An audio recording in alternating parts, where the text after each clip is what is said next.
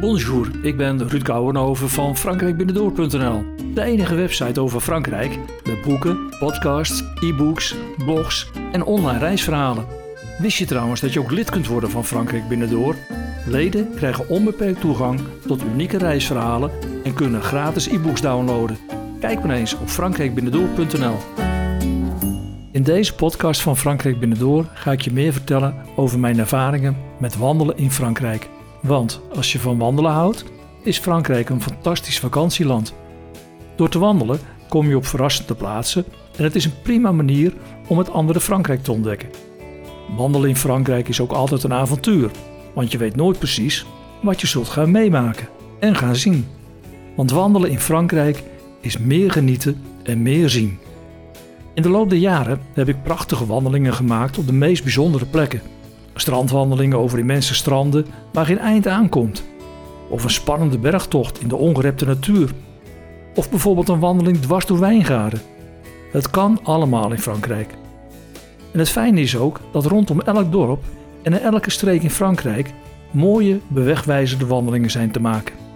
En de beste tip die ik je kan geven is om naar een lokaal office du toerisme, een VVV-kantoor te gaan.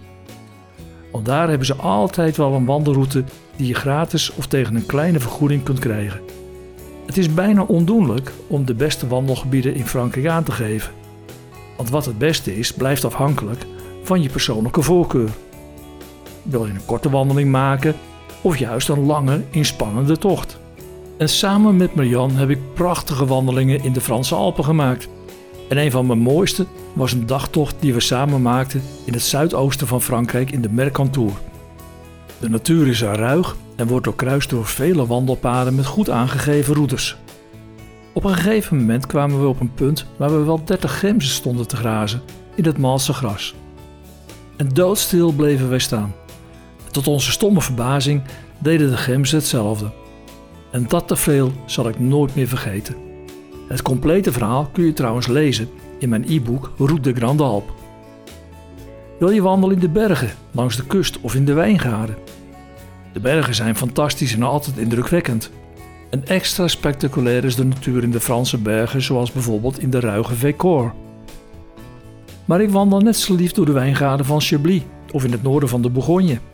Of door de wijngaarden van de Elzas, de Loire, de Champagne-streek en niet te vergeten de Languedoc-Roussillon.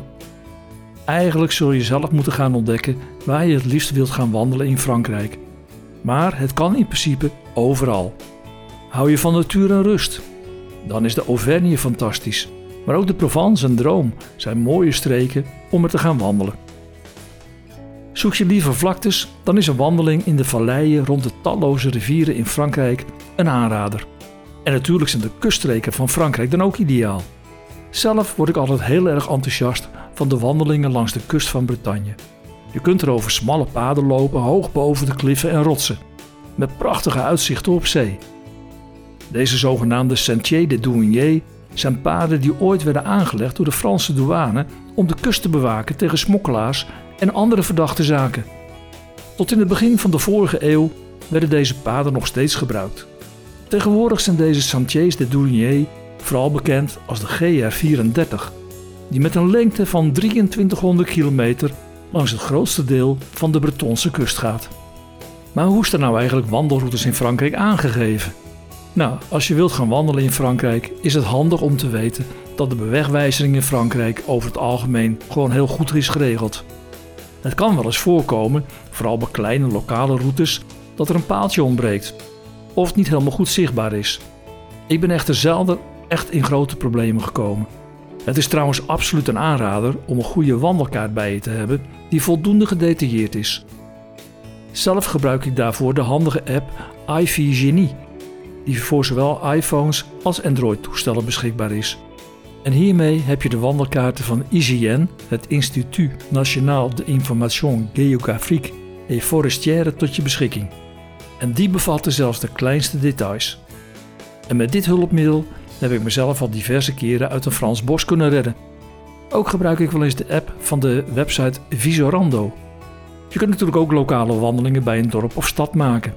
want de lokale rondwandelingen staan altijd ter plekke met een gekleurde streep aangegeven op een paal en vaak staan er ook bordjes met het aantal kilometers naar de volgende bestemming. Als je van avontuur houdt kun je natuurlijk ook gewoon een route volgen die met kleuren of bordjes is aangegeven.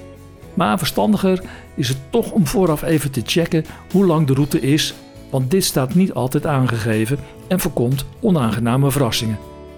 Maar meestal kun je bij het lokale office du toerisme wel meer informatie krijgen met leuke wandelingen in de omgeving. En vaak staat in dorpen bij een centraal gelegen parkeerplaats een informatiebord met de wandelingen in de streek. Naast de lokale rondwandelingen zijn er ook de zogenaamde PR, GR en GRP-wandelroutes. Maar wat zijn dat dan eigenlijk? PR staat voor Promenade et Randonnée. PR-wandelingen zijn meestal rondwandelingen van 1 tot circa 6 uur. Deze worden gemarkeerd met een enkelvoudige gele streep. En je kunt deze streep tegenkomen op palen, stenen of bijvoorbeeld op de muur van een huis. Dan heb je ook nog de GR en dat staat voor Grand Randonnée. Deze wandelroutes worden aangegeven met wit-rode strepen. Het zijn meerdaagse wandeltochten die van A naar B gaan.